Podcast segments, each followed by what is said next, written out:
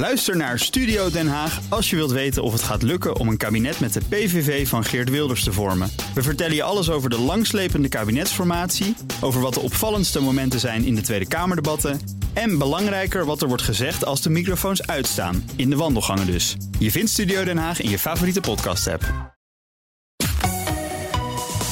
BNR Nieuwsradio. Boekenstein en de Wijk. Hugo Rijksma. This is all wrong. Corona crasht de wereldeconomie. Nog nauwelijks hersteld van de grote recessie. Yet you all come to us young people for hope. De klimaatcrisis komt er nog aan.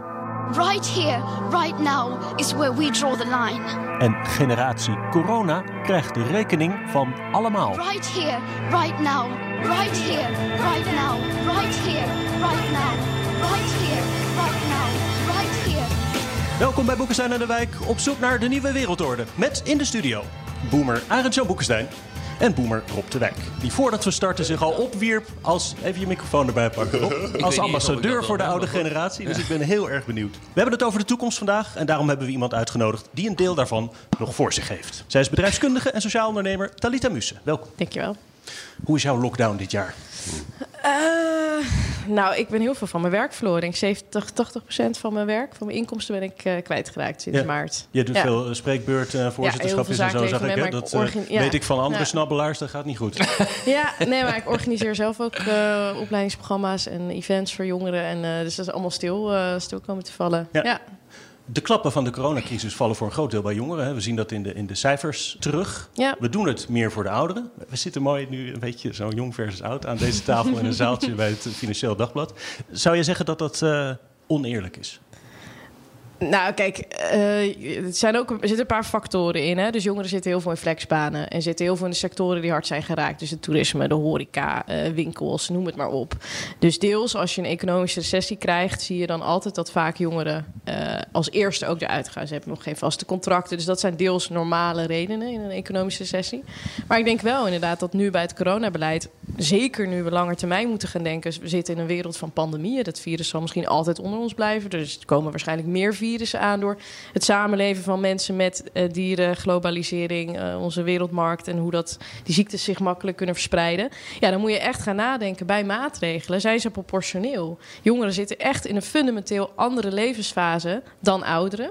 En ik denk dat je levensfase specifiek moet kijken... wat zijn dan werkbare maatregelen? Zeker als het sterftecijfer onder jongeren zo laag is. En ja, ze hebben een verantwoordelijkheid om de hele volksgezondheid mede te eh, beschermen. Maar ik vind ook de regering heeft de verantwoordelijkheid om de Maar levensfase specifieke kenmerken mee te nemen. Ga je dan al die ouderen opsluiten in reservaat of zo? Eh, hoe ga je dat doen? Nee, dat nee, deden we vroeger hè, met de pest hebben we dat eh, gedaan. Nee, zeker niet. Ik denk, wat je in Duitsland ziet, is hebben ze gewoon al heel goed, hebben ze gewoon weer een beroep gedaan op de eigen verantwoordelijkheid van mensen. Maar gewoon gezegd van als jij naar je ouders gaat of naar je grootouders, jongeren zetten gewoon verplicht een mondkapje op. Ouderen te huizen laten niet zomaar jongeren binnen. Gewoon op een afspraak met een mondkapje op.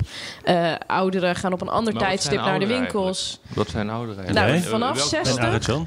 Eh, wat, wat, Maar welke categorie hebben we het dan over? Hebben de mensen, dat Waar wil je nog niet. bij horen? Eh, Nee, nee, maar gaat dat onder mensen die dan in bejaardentehuizen zitten? Of, zeg Nee, je moet, maar. je moet niet gaan gaan dat dan grijze doen? haren gaan tellen. Ik denk dat je gewoon naar de cijfers moet kijken. En dan zie je dat vanaf 60 loopt het mortaliteitscijfer, loopt de kans. Voor jongeren is het minder dan 1 op 10.000 om ernstige complicaties te krijgen. Voor ouderen is het 1 op 400. Dat is zo'n groot verschil. Dat is Dat. Dan, dus, ja, dus dan zouden de maatregelen zouden ongeveer dat verschil wel moeten Dus dan moet je weerspiegelen zeg in maar die hele groep van 60 jaar en ouder, we hebben een vergrij- vergrijzende maatschappij. Nou, Arjan, hoeveel procent zou dat zijn van de bevolking? 35 procent van de bevolking, zoiets. Die ga je dan Ja, het isoleren of zo? 5 Hoe, miljoen mensen hoe, of meer. ja, exact. Hoe, hoe ga je dat dan doen?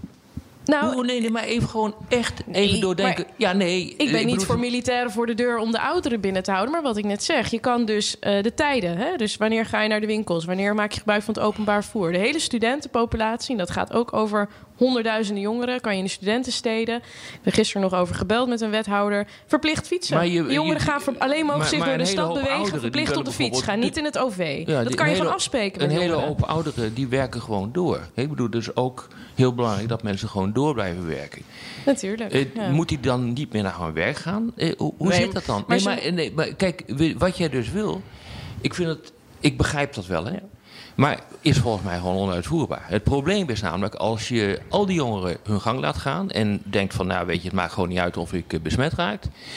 Dan per definitie creëer je ontzettend veel slachtoffers onder de ouderen, omdat je die hele groep gewoon niet kunt isoleren. En er is dus, wat mij opvalt, is dat er in deze, dit soort discussies gewoon geen, hoe zal ik het zeggen, geen solidariteit is van jong naar oud.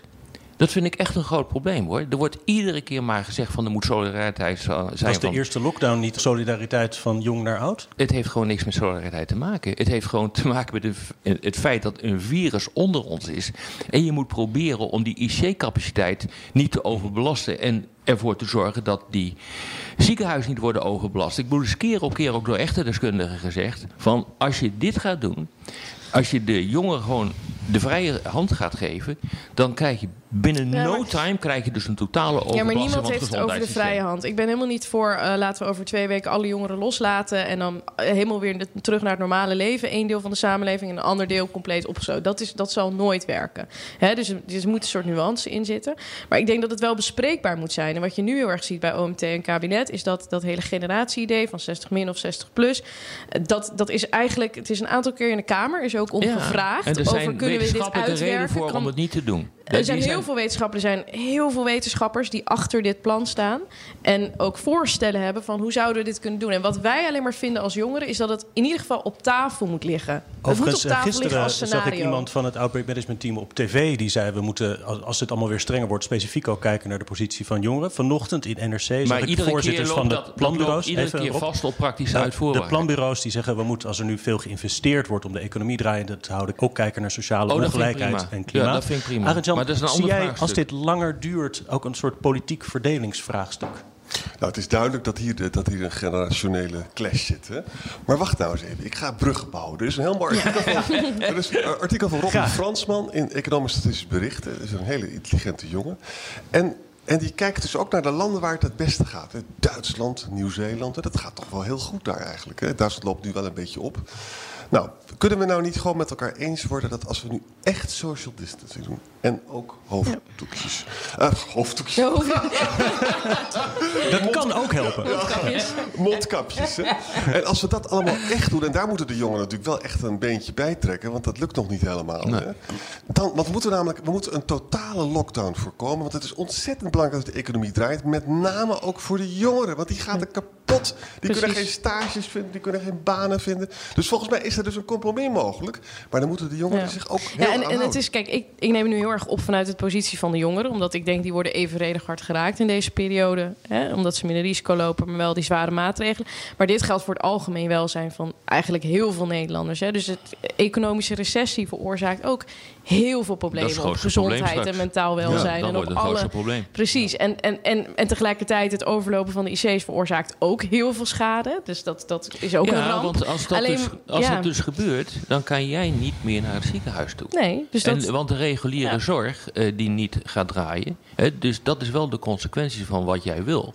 Ja. Eh, als je, dus, je krijgt een overbelasting van de zorg. Maar elke Maar- jongere die het ziekenhuis in draait, om wat voor reden dan ook, die kan dan misschien wel niet Maar meer wat ik heel worden. interessant vind is dat jij zegt wat, jij wat jij wil. Maar dat, het is niet wat ik wil. Wat ik wil is... Bij mij gaat het veel meer over vertegenwoordigingsvraagstukken. Daar gaan we het Mhm. volgens mij ook over hebben. Want daar gaat het ook met die generaties over. Ik wil niet per se dat mijn jongere ideeën het coronabeleid worden. Dat zou ik zelfs heel eng vinden. Ik wil dat het alleen gelijkwaardig wordt gewogen met eh, de andere groepen. Dus met het welzijn van de ouderen. Met de kant, de medische kant, volksgezondheid versus economie versus langetermijneffecten, mentaal welzijn.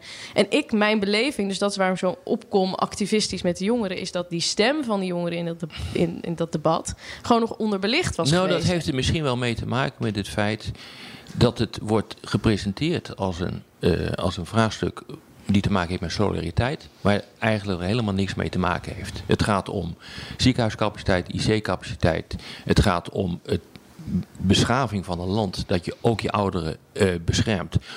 Onder andere door jongeren niet besmet te laten raken.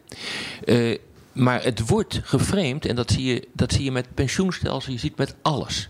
Ja. Als, een, eh, als een discussie tussen oud en jong. Ik ben daar echt heel erg op tegen. Ik vind het, dat is fout, want het heeft namelijk niks met elkaar te maken Waarom niet? omdat een aantal dingen nu eenmaal zijn zoals ze zijn. Eh, je kunt een. Nee, ik bedoel iemand die bijvoorbeeld 40 jaar lang gewerkt heeft, die heeft recht op een bepaald pensioen. Althans, dat vindt hij. Uh, jij hebt nog een heel leven voor je, maar diegene die 60 of 70 is, die kan niks meer opbouwen. Jij wel. Jij kunt je aanpassen. Jij kunt je aanpassen aan nieuwe tijden. Dus natuurlijk uh, zit daar een, een voorgeschiedenis uh, aan vast, waar je gewoon rekening mee te houden hebt. Ja. Ik bedoel, ik ben van de generatie jaren tachtig, eh, toen, we, eh, toen ik op de arbeidsmarkt kwam, ik ben de verloren generatie. Ja. Ik zou nooit meer aan eh, de bak eh, komen. Werkloosheid, dat klopt. Ik Mhm. was eh, afgestudeerd, gepromoveerd en ik kreeg geen baan. Ja, en het ik is denk, toch wat nog moet dit goed in gekomen. godsnaam worden? Ik heb hier nog even Uiteindelijk wat, wat cijfers over opgezocht. Over de, de situatie van jongeren eigenlijk al sinds de vorige crisis. In 2000 kon nog de helft van de 20 tot 25-jarigen rondkomen zonder hulp van hun ouders. Nu is Ja. dat een kwart. Ja. In 2014 werd de helft van de woningen verkocht aan starters. Nu is dat nog maar een kwart. Nog maar een derde van de jongeren bouwt pensioen op. Ja. In de eerste lockdown was het aantal WW-aanvragen onder 15 tot Ja. 25 jaar plus dat is helemaal 185 procent. Studieschuld, Ja. geen vaste baan, geen huis. Ja, is dat niet een scheefgroei richting die jonge generatie? Ja, maar we hebben natuurlijk ook een totale flexibilisering gekregen van de economie. Voor, Eh, vooral voor jongeren.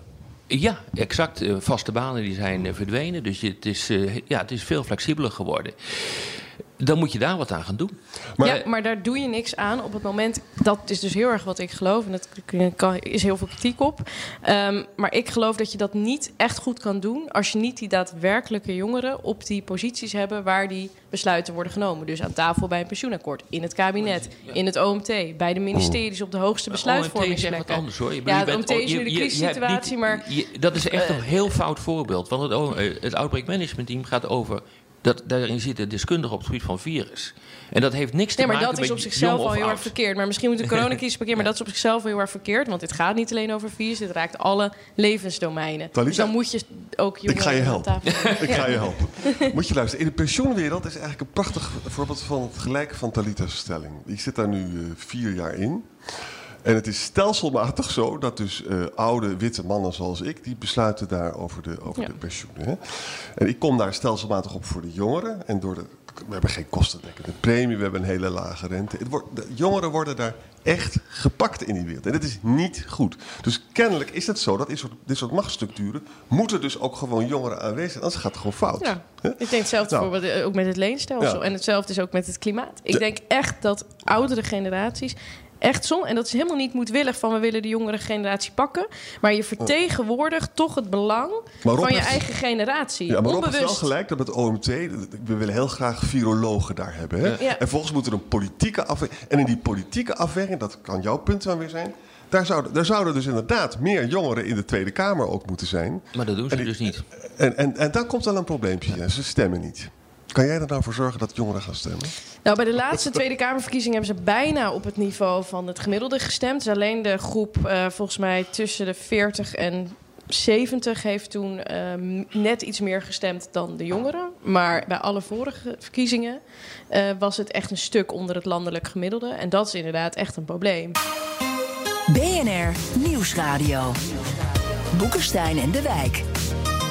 Op zoek naar de nieuwe wereldorde. Dit is Boekenstein aan de Wijk. En dat programma is natuurlijk niet zonder Rob de Wijk, Boomer en Arend-Jan Boekenstein. Ik heb nog even opgezocht. Geen Boomer, maar net generatie X. No future. No future. Mijn naam is Hugo Reitsma, trots lid van de Patat-generatie. En onze gast is Talita Musse. Zij doet zoveel verschillende dingen. Dat moet wel een millennial zijn. Ja. Hebben millennials, Talita, dus zeg maar mensen tussen de 18 en 35 heb je het dan zo'n beetje nu over. Hebben die ook andere prioriteiten dan voorgaande generaties? Ja, ik denk het wel. Dus ik denk dat ze sowieso qua politieke oriëntatie anders zijn. Ze zijn wat eh, progressief. eh lib- er zit een beetje tussen sociaal-liberaal en progressief-liberaal in. Er zijn heel veel jongeren. Dus je zag dat de grootste partijen waar ze op hebben gestemd zijn GroenLinks, D66, ook VVD en ook de nieuw, de opkomende partijen, Denk en. Forum voor Democratie. Dus ze zitten erg op het identiteitsthema, integratie, immigratie. Dat is een heel belangrijk terrein. Ja, voor of Klim- tegen. Voor, daarvoor of tegen, Ja. inderdaad. Ja. Heel duidelijk aan Maar de randen van het, ook, eh, hoor. van het debat. Heel veel. Die zijn net zo verdeeld als wij bejaarden. Ja, maar het gaat, als je kijkt naar onderzoek van welke thema's bepalen voor jou hè, de toekomst, dan staat stip op nummer 1 klimaat wereldwijd. In ieder jongerenonderzoek is klimaat voor hen het bepalende thema Ja. voor het, hè, van wat is het grootste vraagstuk van deze eeuw, van deze tijd? wat minder. Klimaat. Ja.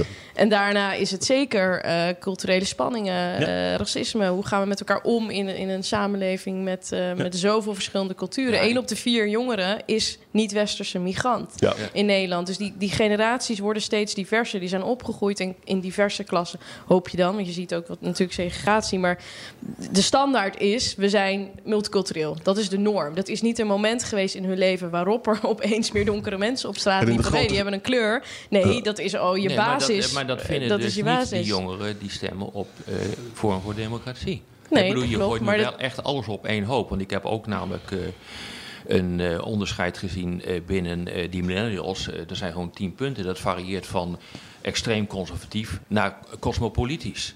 En dat is eigenlijk feitelijk wat je Ja. net ook aangaf. Dus daar valt eigenlijk gewoon geen taal vast te Nee, maar dat het het belangrijkste Dus ik vraag me nou thema eigenlijk is. af wat nou echt de samenbindende kracht is. En het kenmerk is van millennials.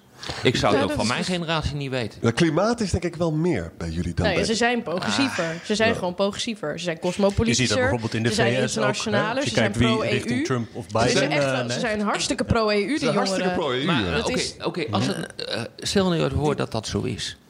Hoe kan het dan eh, dat 64% van de Europese jongeren, millennials, eigenlijk niks heeft met democratie? Als ze zo progressief zijn. Je zou dan denken dat dat, ehm, eh, dat, dat zich vertaalt Ja. in eh, het achter de democratie gaat staan. Als je zo progressief bent, hoe kan het dan zijn dat het allergrootste deel van, Ik denk niet van dat de millennial... Ja, nou ja, oké, maar ik bedoel, zijn cijfers ook maar cijfers. Nee, nee, nee, maar ik weet wel bekend. Er is een heel bekend onderzoek van Harvard dat jongeren Onder inderdaad andere. meer autocratische leiders Ja. Mhm. zouden steunen. Dat heb ik gezien. Nou, dat Er is zien we heel veel kritiek geweest, ook op dat onderzoek. Omdat wat ik Ja, omdat denk... de uitkomst wat de- misschien je niet Nee, nee, nee. Omdat de meeste... Nee, nee, nee. Ik zie, de meeste onderzoeken laten wel zien... inderdaad een soort van heel een grote apathische houding ten opzichte van de politiek. En wantrouwen en cynisme. En eh, de, politiek heeft eigenlijk... Ik heb daar niks mee te maken. Dat heeft helemaal geen invloed op mij. En ik heb mijn eigen leven. Dus daar zie je echt onder jongeren wel... shock- Maar dat is meer bij een soort lethargische houding. En ik denk een deel daarvan vertaalt zich bijna in... dat ze dan ook sympathie hebben voor mensen zoals een Baudet bijvoorbeeld... die dan weer een soort groot ideaal presenteert. En een soort van culturele verandering en een Ik kan levensstijl. me het nog voorstellen ook. Hè, dat- want Ja, ik Hugo, ook. die heeft net, Hugo die heeft net eh, aangegeven hoe jongeren gepakt worden op, sociaal, Ja. op sociaal-economisch gebied. Het is bekend, ook uit onderzoek, daar kan je allemaal van, vinden wat je wil, dat het grootste deel van eh, de jongeren een politiek systeem heeft die hun beschermt. Als je dat wil, word je automatisch conservatief. Dus eh, ik moet ik, ik bedoel, het lijkt net alsof ik nooit contact heb met jongeren. Dat natuurlijk flauwekul is. Ik bedoel, ik ben hoogleraar. Ik heb studenten voor me. In grote getalen. Mijn medewerkers op de HCSS. Dat zijn door de bank genomen eh, jongeren. Dus ik weet echt langzamerhand wel wat er leeft. Wat mij opvalt. Is inderdaad gewoon geen besef van democratie, hoe het werkt. En ook geen besef tussen eh, actie en gevolg. Als je iets kapot maakt, wat daar de gevolgen van zijn. Dus als je democratie Ja. kapot maakt, dat je dan in een dictatuur eh, terechtkomt. Dat nou precies haak staat op Zou wat kunnen jongeren dat de willen. lessen van de geschiedenis wat De verder weg zijn voor die jonge die zijn weg. generaties? Het ligt ook aan het onderwijssysteem. Tuurlijk, het Ik bedoel, historisch het is gewoon weg. Ja. Die, die, die, die ideeën zijn weg. Als- een oudere ja. generatie hebben misschien nog, ook, wel of niet via hun, eh, van- via hun ouders, nog eh, kennis over de Nee, Tweede maar ik denk dus dat het juist teleurstelling in de democratie is dat juist de schaken die we net hè, dus dat het voor jongeren de positie eigenlijk zo slecht is binnen ons huidige democratische systeem, dat op zoveel vlakken er dingen niet op orde zijn, dat het dan maar is van ja, misschien deugt wel dat die maar hele misschien heeft dat democratie niks met democratie te maken. Nee, Misschien dat, heeft nee, dat denk ik ook niet, maar dat is de verkeerde analyse. Nee, nee, Daar heeft eens. het Maar dat is dan niet met democratie. Nee, helemaal eens. Maar ik denk dat dat een verkeerde analyse is onder een deel van de jongeren. Daar ben ik gewoon mee eens. Door deels daarover eens. historisch besef. Ik denk dat als je, als, als je al je standaard uitgangspunt is dat je in een democratie opgroeit. En daar kom je allemaal dingen tegen die, niet, die je niet gunstig gevallen zijn. En waarvan je denkt dat dat is echt heel rot voor jongeren. Ja, misschien is dat hele systeem dan wel verkeerd. Terwijl je eigenlijk niet beseft dat er ooit een periode was in de geschiedenis dat we een keuze hadden Ja, voor dat dat zie je heel democratisch systeem. En dat, er ja. an- dat we anders in Ja, communisme hadden gezeten of iets of Nou eh, maar- andere maar totalitaire regimes. Arend Maar dat Jan die- gevecht, wij hebben nooit in dat ideologische gevecht gezeten. Het echt grote ideologische gevecht waar de oudere generatie Maar jullie hebben nog ook- heeft meegemaakt. En Maar dat jullie is. hebben, maar jullie eh, hebben ook dat- een reden om, om Ja. boos te zijn. Eh, Stel je voor dat ik nou jongere was hè, en ik kijk naar de politiek en denk... verdorie, ik kan helemaal geen huis kopen. Dat komt door die stomme renteaftrek van jullie, gesteund door alle partijen. hè. En jullie hebben ook niet, eens voldoende huizen gebouwd. Hoe haal je het in je hoofd niet eens voldoende Ja. huizen bouwen? Nou, dan kijk ik naar de Tweede Kamer en dan ben ik intelligent genoeg om te begrijpen van... hé, hey, daar zit een gat tussen Brussel en de Tweede Kamer. En de Tweede Kamer heeft eigenlijk niet zoveel macht. Dat zien jongeren natuurlijk donders goed, net zoals wij Ja. dat zien. Dat leidt vanzelf ook wel tot van ja, het zal mijn tijd wel Maar, maar, maar. Arend Jan, dat is, toch, eh, Ja. dat is toch gewoon niet zo? Zo. Ik bedoel, eh, Brussel heeft op een aantal gebieden macht. Op het gebied van handelsakkoorden, eh, visserij, dat soort dingen, landbouw. Ja. Maar jongens, eh, op volksgezondheidsgebied, daar gaan wij 100% Zeker. zelf over. Onderwijs, daar gaan wij zelf over. Zeker. Dus Ja. we moeten dat ook niet overdrijven. Ja. Ik denk dat ook daar een probleem zit met de kennis. Ook, Ja. En niet alleen bij jongeren. Ik zie gewoon dat dit iets is wat door de hele maatschappij... Eens. Ik vind eerlijk gezegd dat we een ook valse discussies hebben... waarbij we net doen alsof jongeren eh, daar totaal anders in staan. Ik zie hetzelfde bij de oudere generaties eh, gebeuren. Ja. Weinig kennis, weinig idee van eh, wat de gevolgen zijn voor iets. Ja, maar zijn. Hè, Brexit, jij, Jan noemde de Brexit even. Waarom zijn godverdorie die jongeren niet gaan stemmen? Waarom, waarom hebben ze dat laten passeren? Dan, Dat is dan was het echt- niet gebeurd, hè? Als is- ze ja, in dat is zelfde, laakbaar zelfde gedrag mate hadden gestemd jongeren. als Ja. ouderen. Ja. Dat is echt laakbaar gedrag. Ik denk wel dat je als. nou, Dat is weer een ander thema. Ik denk wel dat eh, de democratie en eh, ons hele politieke bestel best wel aan een, een, een, een renovatie toe is. Hè? Dus ik vind dat één keer in de vier jaar stemmen is ongeveer het enige democratische wat eraan is. Het hele, het hele deliberatiemodel van het alle overleggen met de samenleving en akkoorden. Dat zijn eigenlijk altijd dezelfde clubjes van mensen, waar dus ook geen Ach, jongeren in zitten. Dat, zijn zal een bepaalde elitegroep. veranderen. Dat zal niet nee, veranderen. maar ik, dus bedoel, ik vind het allemaal prachtig dat je dat, eh, dat, je dat roept. Nee, maar en de die discussies ken democratische ik ook allemaal inspraak wel. is maar natuurlijk super saai en niet. Hè, eh, Nee, je, dat kan is nog niet, je kan nog niet eens online stemmen je, Nee. met een app. Waarom kan je tijdens de verkiezingen niet met een appje je stem uitbrengen? Dit is een, het zou, technologisch Nou, kan het gewoon. Waarom nou kan je niet veel vaker online dat referenda is. organiseren? Waarom zijn er. De democratie is zo saai natuurlijk ook. Hè? Als je gewoon kijkt naar de Tweede Kamerdebatten. Wie kijkt daar nou in Maar besturen Het sluit niet aan bij de social media is ook werkelijkheid. saai.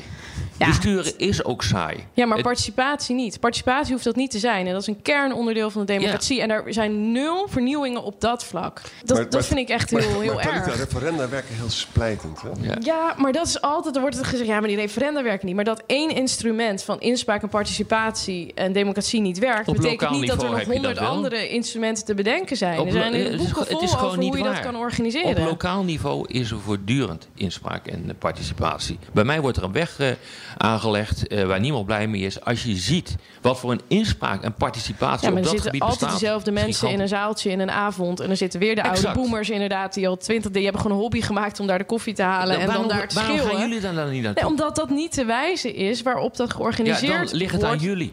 Nee, want ik, bedoel, vind niet dat je- jong alleen maar in moet stappen in het bestaan. Dat doe ik. Ik infiltreer, ik probeer inderdaad Ja, jongerenparticipatie doen. in de bestaande wegen. Dus ik doet. probeer ook jongeren bijvoorbeeld in raden van toezicht en raden van commissarissen te zetten. En in gesprek met de directies van bedrijven en binnen het ministeries om in die raden en bij de vakbonden. Dus ik ben daar heel erg voorstander van. Maar ik geloof in en-en. Ik denk dat wij jongeren dat moeten doen. Maar ja? hoe, hoe stel je Maar dat daarnaast- dan voor? Ik bedoel, ik probeer iedere keer te bedenken hoe je dat dan zou kunnen doen. Ik bedoel, ik wil er helemaal in meegaan. Maar hoe doe je dat dan? Nou ja, ik snap bijvoorbeeld niet dat er in de Tweede Kamer niet ook gewoon. Hè, ik denk dat je fundamenteel zou moeten kijken van. eh, eh, gewoon alleen al in de Tweede Kamer. Daar de politieke participatie van jongeren. Dus er staan bijna geen jongeren op de, op de kieslijsten. Ja, dat- Eh, er is nog geen jongerenpartij, die is wel in melden maak. zich Er wordt op dit moment een jongerenpartij opgericht. Ja. Eh, maar ook gaan ze experimenteren met waarom is er niet één van de stoelen in de Tweede Kamer is gewoon een iPad. En daarop worden gewoon dagelijks opiniepeilingen uitgevraagd. En is er een, Maar, maar, een, maar een brede Kamerleden technologisch element anders. in. Kamerleden, is mijn bezwaar. Kamerleden laten zich continu belobbyen door eh, opiniepeilingen. Eh, ze laten zich continu belobbyen door allerlei belangengroeperingen. Dus het, Ja, maar ik denk het kennis. grootste vraagstuk van deze tijd is, denk, vind ik, is de representatieve democratie. Is dat de oude structuur van de verzuiling na de Tweede Wereldoorlog, waar Nou, zeg maar ons hele. Nee, nee, maar daar is, een, is gewoon nog steeds is dat alles wat we nu kennen, de vakbonden tot aan de omroepen tot aan. Ach joh, dat eh, bestaat al lang niet meer. Het hele bes- bestuurlijke bestel is daarop gebaseerd. Nee, ja, dat, dat- is oude politiek. is- wat we in de Tweede Kamer zien. Christelijke partijen. Eh, de hele politieke vertegenwoordiging, nog, het oude arbeidersidee, de sociale partij versus de liberalen. Dat, is, dat zijn Volgens allemaal mij- oude vol- scheidslijnen die niet loop je 40 jaar overeenkomen. achter. Dat, is, hebben, dat hebben we 30, 40 jaar geleden al uh, om zeep geholpen. Nee, dat hebben we niet om geholpen. Want de, de diversiteit die nu in de samenleving er is, die, die zie je totaal niet weerspiegeld in de Tweede Kamer. Zie je niet weerspiegeld in al die mensen op de lijst eh, gaan staan. Moeten zorgen dat ze gekozen worden. Met dank aan Talita namens Jong en Rob als ambassadeur voor Oud-Nederland in Nee, deze uitzending. niet. Nee, nee, maar over even. Ik, corona dit is geen en ambassadeur, democratie. Dit is geen ambassadeur voor. Oud-Nederland. Dit staat los van de generaties. Dit is een maatschappelijk eh, probleem in algemene zin. Dit heeft niks met generatie te maken. Het is gezegd. Voor de radio althans ronden we af, maar op de podcast gaan we door met luisteraarsvragen. Luistert u op de radio, dan verwijs ik naar Apple Podcasts, Spotify of bnr.nl. Ik had jou deze beloofd, uh, Arjan, van uh, Pierre Dubonnet. Die citeert Frans Josef Strauss over die vervuurde 68er Jugend. En die waarschuwt voor de geometrische ordnungsdenken van utopisten een gevaarlijke aberratio is, waar vooral jonge mensen mee uh, infecteerd werden, die zich geistig nog niet der macht der werkelijkheid gebeugt hebben. Dus dat, is wel geweldig. Ben je het uh, eens met Frans Jozef? Ja, kijk, je moet het, je moet het in de, in de 70 jaren plaatsen. En hij, hij, hij heeft zich ontzettend bang. Volgens mij zegt hij gewoon: je wordt vanzelf wel een rechtse zuurpruim. Ja, hij zegt toch. Ja. In die tijd waren dus jongeren waren dus utopistisch. En het utopisme kon ook leiden tot de moord op de werkgeversvoorzitter, Schleiermacher, hoe heette die man? -hmm. hè? Dus dat was dus nu is het zo dat de jongeren nu zijn totaal anders dan in die tijd. Hè. Ze zijn helemaal niet meer de, zo idealistisch. Ze zijn vooral keihard aan het overleven en aan het werken. Het is een hele andere... Toen ik toch studeerde, ik ben een hele oude man... zat ik met allemaal marxisten naast me in de collegezaal... waar ik vreselijk ruzie mee kreeg. Dat, is helemaal, dat heeft Talita niet meegemaakt, allemaal marxisten in, in de collegezaal, nou, ik, toch? Nog, ik heb ze nog wel. Ik had zelfs een Che in mijn collegezaal. en die zat bij uh, economie en die begon uh, het Marx voor te lezen. En toen werd hij echt door de professor... werd hij echt, uh, nu je kop houden, ga zitten. Ik wil geen marxisten in mijn college. Erasmus Universiteit, dus zo rechts als dus dat was echt, uh, ja, dat was echt het pispoutje van het college. Maar... Nee, maar wat, wat ik wel leuk hier aan vind, is dat is dat oude idee van ja, inderdaad, als je jonger bent, ben je linkser en progressiever. En als je ouder wordt, dan schuif je belangen op. Hè, dan word je conservatiever. Maar je ziet echt, in, dat onderkent eigenlijk ook generatieverschillen. Dus dat is eigenlijk levensfase denken. Dus je hebt denkbeelden die zijn gekoppeld aan een bepaalde levensfase. Mhm. Maar wat generatiedenken, daar ben ik ook heel erg fan van, is dat je specifiek moment in de tijd heeft jou gevormd. Dus de periode waarin jij adolescent was, jong volwassen. Je bent een kind van je tijd. Je bent een, je bent een kind van je tijd en dat levert ook specifieke oriëntaties mhm. op en denkbeelden. En die neem je mee, ook naar je, door je oudere leven. En dat zie je dus al in generatieonderzoek, dat de millennials, die, die blijven bepaalde thema's met zich meenemen. Nu zij al, die zijn al verder. We moeten eigenlijk nu naar generatie Z kijken. Dat zijn die echt jongeren waar we het net over hadden. Die nu tussen de 12 en 20 zijn. Uh, die, uh, die gaan echt, denk ik, bepalen zometeen in verkiezingsuitslagen wat er, wat er gebeurt. Dan moeten ze wel gaan stemmen. Ja, ja vraag hierover overigens van uh, Noah. Die zegt als het politieke landschap opgeschud gaat worden door een generatie... is het dan niet eerder die generatie Z dan de millennials? Millennials zijn allemaal al stemgerechtigd.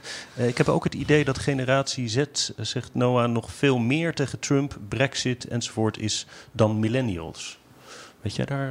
Dat weet ik niet. Nee, ik zie dat generatie Z, dus juist dat is een je waar, waarop het eerder over had, die zijn best wel conservatief. Dus daar zie ik eerder een grotere conservatieve aanhang dan onder die, uh, onder die millennials. Dat is ook heel, ja natuurlijk. ik bedoel, nou, ik heb hem eigenlijk al eerder gezegd, maar op het moment dat je, dat je kansen beperkt worden, ja. dan wil je een overheid die beschermt. En dan eh, ga je afkeren van de democratie, omdat je dan zegt van de democratie die bevoordeelt de ander, wat helemaal niet het geval hoeft te zijn. Want volgens mij heeft dit veel meer te maken met globalisering, opkomst van China, waardoor uh, de lonen hier naar beneden zijn gegaan, omdat je concurreert met de lonen mm uh, in China. Dat is, dat is wat er aan de hand is. En dat zien we in Amerika, dat zien we in de hele westerse wereld. Dan kun je wel zeggen, dat komt door de democratie onzin. Dat heeft niks met democratie te maken. Dat heeft uh, veel meer te maken met een, met een geo-economische ontwikkeling. Uh, ja, die inderdaad uh, de economische structuren totaal over de kop heeft gegooid. Ja. En dat dat uiteindelijk politieke consequenties kan hebben, dat wil ik best geloven. Ja, ik zie ook wel een interessante scheidslijn hier bij de jonge generatie tussen of je gelooft dat de overheid voor negatieve vrijheden moet zorgen of voor positieve vrijheden. En dat zie je ook heel erg terug bijvoorbeeld in het hmm. racisme-debat.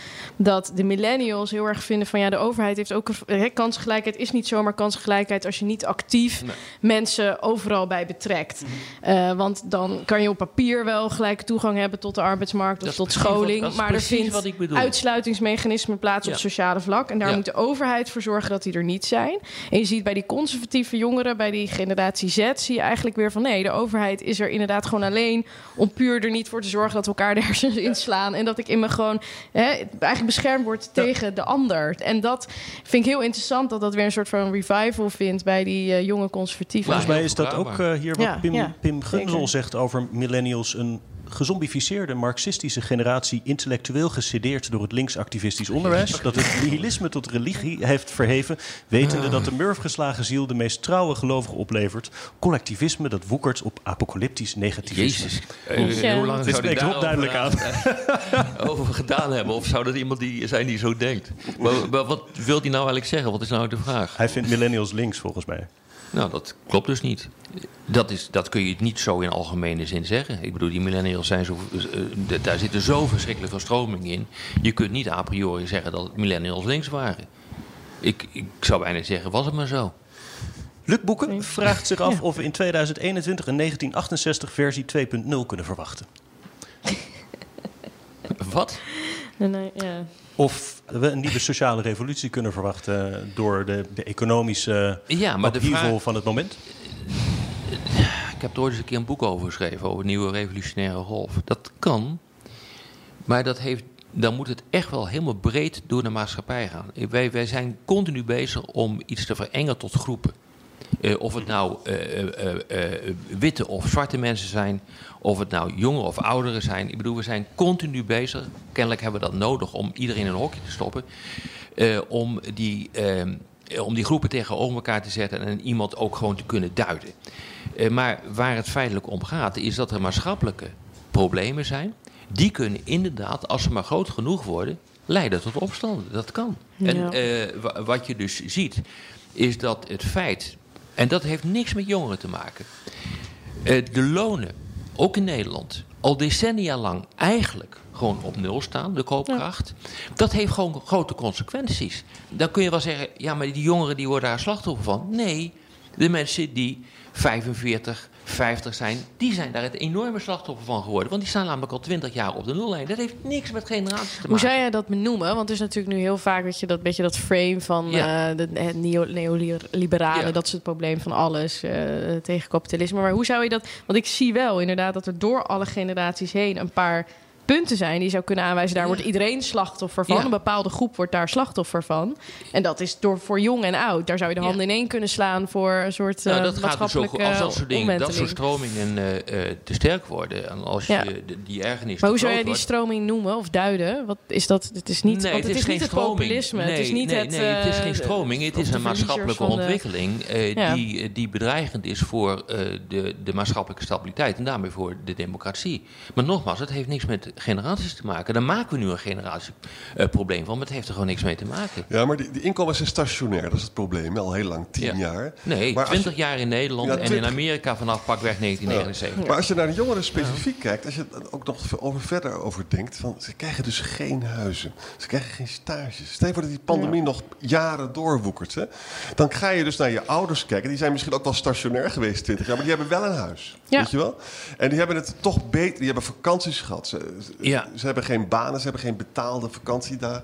Er is toch ook veel reden voor onrust als je jong bent. Ja, maar Ja, de vraag het- is ja, eigenlijk dat als Ja, maar je... dat heeft hier niks mee te maken. Dat, ja, dat is ook zo. Maar het aantal zelfmoorden loopt naar, eh, enorm op naar eh, economische crisis. Eh, Ja. Dat is ook in Nederland gebeurd na eh, de, de kredietcrisis van tien jaar geleden. Ja. Ja, In 2013 zagen we gewoon dat het aantal zelfmoorden 33% hoger was. En dat zijn geen jongeren. Dat zijn Ja. allemaal de wat oudere mensen die Ja. dat, dat, dat doen. En dat zien we in Amerika eh, eigenlijk precies hetzelfde. Nou ja, wat, ik- wat ik interessant vind en wat jullie zeggen, waar ik nu van denk, oh, dat is wel een inzicht voor mezelf dan in ieder geval, is stel je zou inderdaad een soort jongerenrevolutie hebben. En ondanks dat het legitiem is omdat zij hè, buitenproportioneel hard worden geraakt. Nou, en je bezet het parlement inderdaad en je gaat daar zitten. Dan is eigenlijk En de vraag, ga je dan dingen doen om de effecten op jongeren minder te maken? Of ga je inderdaad op zoek naar, wat creëert dat? Wat- creëert dan dat grote effect? Welke soort van systeemweeffouten zitten er dan in dat woningbeleid, in dat arbeidsmarktbeleid, in hè, die verschillende in het klimaatbeleid, waar misschien alle generaties of een bepaalde groep binnen al die Ja, maar je- generaties baat bij heeft als je die oplost. En daar, die moet je eigenlijk inhoudelijk zien beter pakken. Want het kan niet zo zijn dat als je als jongere nu inderdaad een soort revolte zou organiseren en je pakt de macht, dat je dan alleen die neef, de schadelijke effecten voor het jongere groepje probeert te, te minimaliseren. Nee, dat is precies wat ik bedoel. Ja. Ik bedoel, daarom heeft het ook niks te maken met solidariteit tussen. fouten in de. Ja, Ja. eens. nou ja, maar daar kun je. Kijk, het, de consequentie hiervan is eh, de opkomst van nationaal-conservatieve stromingen. Dat is wat Ja. er gebeurt. Daarom stemmen ook zoveel jongeren op, eh, op Thierry Baudet. En daarom stemmen er wat ouderen op eh, de PVV. Maar het is hetzelfde gedrag. Het is, een, het, het is het onbehagen over wat er in de wereld aan de hand is. En dat dat je direct raakt. En daar, je probeert je te beschermen. Dus dat leidt tot nationalisme. Dus eh bewaar me. Grenzen. Ja, je wil grenzen hebben. Uh, dus ik kan me dat heel goed, uh, goed voorstellen. Het is een natuurlijke neiging om je te beschermen. Maar het probleem is, het middel is erger dan de kwaal. En dan wordt het alleen nog maar veel erger. Want je kunt je niet beschermen tegen dat soort eh, dingen. Dat is een fictie.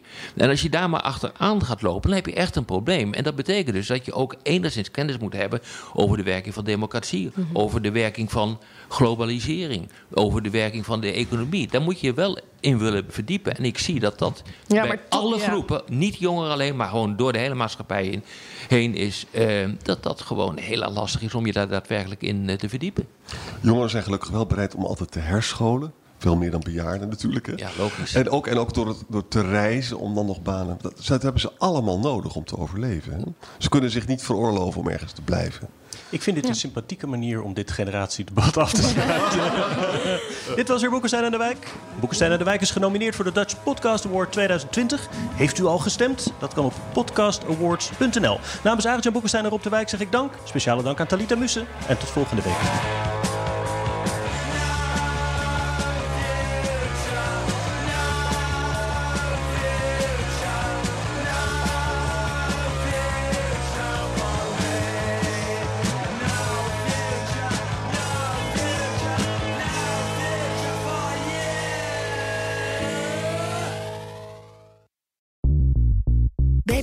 Ben je altijd als eerste op de hoogte van het laatste nieuws. Luister dagelijks live via internet. Bas van Werven. En heel langzaam komt de zon op rond dit tijdstip. Je krijgt inzicht in de dag die komt op BNR, het Binnenhof in Nederland en de rest van de wereld. De Ochtendspits. Voor de beste start van je werkdag. Blijf scherp en mis niets.